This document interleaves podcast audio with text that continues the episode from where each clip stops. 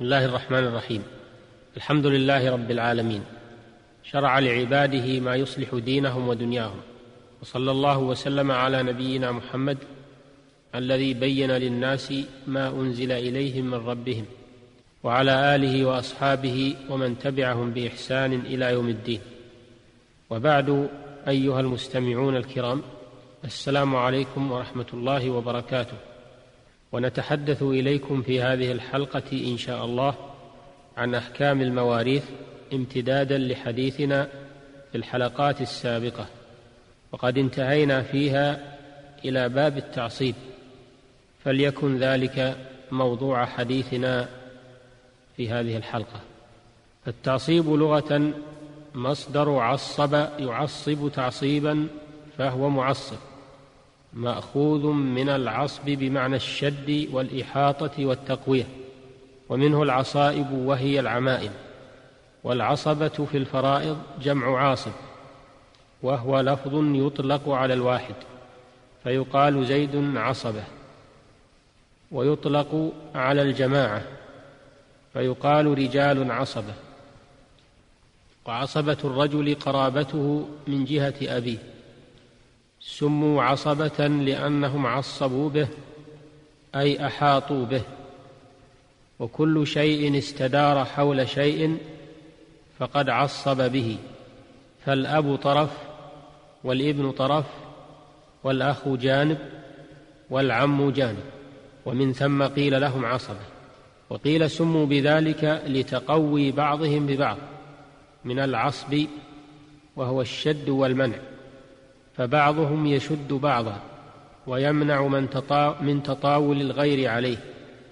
والعاصب في اصطلاح الفرضيين عرف بتعاريف من أحسنها أنه من يرث بلا تقدير لأنه إذا انفرد حاز جميع المال. وإذا كان مع صاحب فرض أخذ ما بقي بعد الفرض. وذلك لقول النبي صلى الله عليه وسلم الحقوا الفرائض بأهلها فما بقي فلأولى رجل ذكر وينقسم العصبة إلى ثلاثة أقسام عصبة بالنفس وعصبة بالغير وعصبة مع الغير فالقسم الأول وهم العصبة بالنفس هم المجمع على إرثهم من الرجال إلا الزوج والأخ من الأم وهم اثنا عشر. الإبن وابن الإبن وإن نزل والأب والجد من قبل الأب وإن علا والأخ الشقيق والأخ لأب وابناهما وإن نزلا والعم الشقيق والعم لأب وإن علوا وابناهما وإن نزلا. القسم الثاني العصبة بالغير وهم أربعة أصناف. الصنف الأول البنت فأكثر مع الإبن فأكثر. الصنف الثاني بنت الإبن فأكثر مع ابن الإبن فأكثر.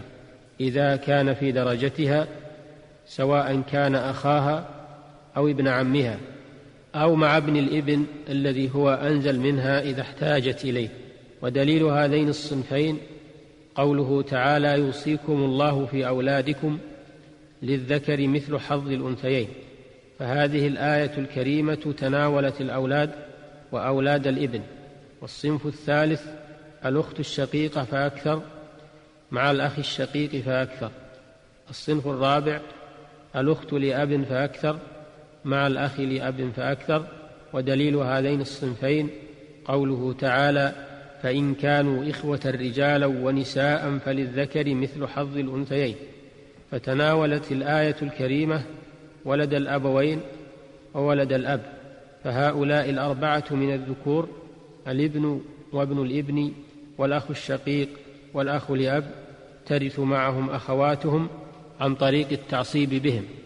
أما من عداهم من الذكور فلا ترث أخواتهم معهم شيئا وذلك كأبناء الإخوة والأعمام وأبناء الأعمام. القسم الثالث من أقسام العصبة العصبة مع الغير وهم صنفان. الصنف الأول الأخت الشقيقة فأكثر مع البنت فأكثر أو بنت الإبن فأكثر. الصنف الثاني الأخت لأب فأكثر مع البنت فأكثر أو بنت الإبن فأكثر. وهذا هو قول جمهور العلماء من الصحابة والتابعين ومن بعدهم أن الأخوات لأبوين أو لأب عصبة مع البنات أو بنات الابن ودليلهم ما رواه الجماعة إلا مسلما والنسائي أن أبا موسى رضي الله عنه سئل عن بنت وبنت ابن وأخت فقال للبنت النصف وللأخت النصف ثم قال للسائل ائت ابن مسعود.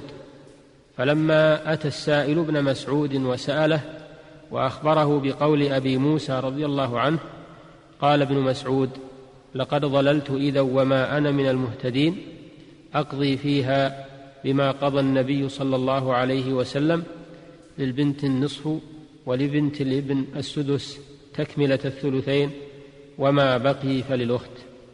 هذا والعصبة بالنفس من انفرد منهم حاز جميع المال.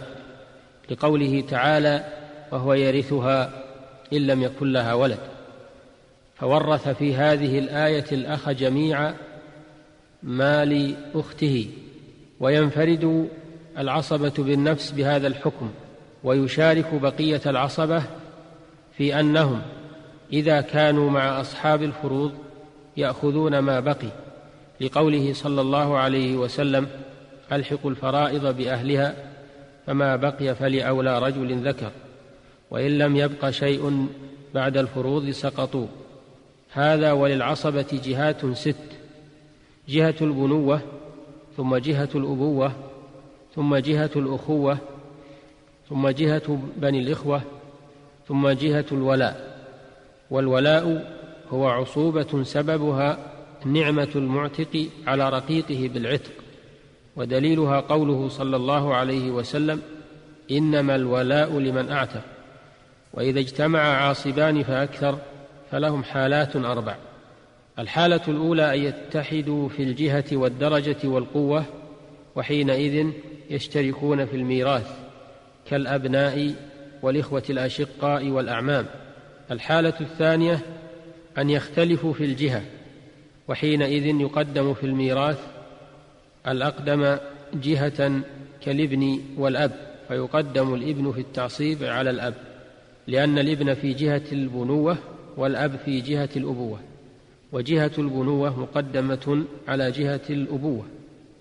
الثالثة أن يتحدوا في الجهة ويختلفوا في الدرجة كما لو اجتمع ابن وابن ابن فيقدم الابن على ابن الابن لأنه أقرب إلى الميت. الرابعة أن يتحدوا في الجهة والدرجة ويختلفوا في القوة بحيث يكون أحدهم أقوى من الآخر فيقدم الأقوى كما لو اجتمع أخ شقيق وأخ لأب فيقدم الأخ الشقيق لأنه أقوى لإدلائه بأبوين أما الأخ لأب فهو يدلي بالأب فقط والله أعلم. وإلى الحلقة القادمة بإذن الله. السلام عليكم ورحمة الله وبركاته. الحمد لله رب العالمين. صلى الله وسلم على نبينا محمد وآله وصحبه.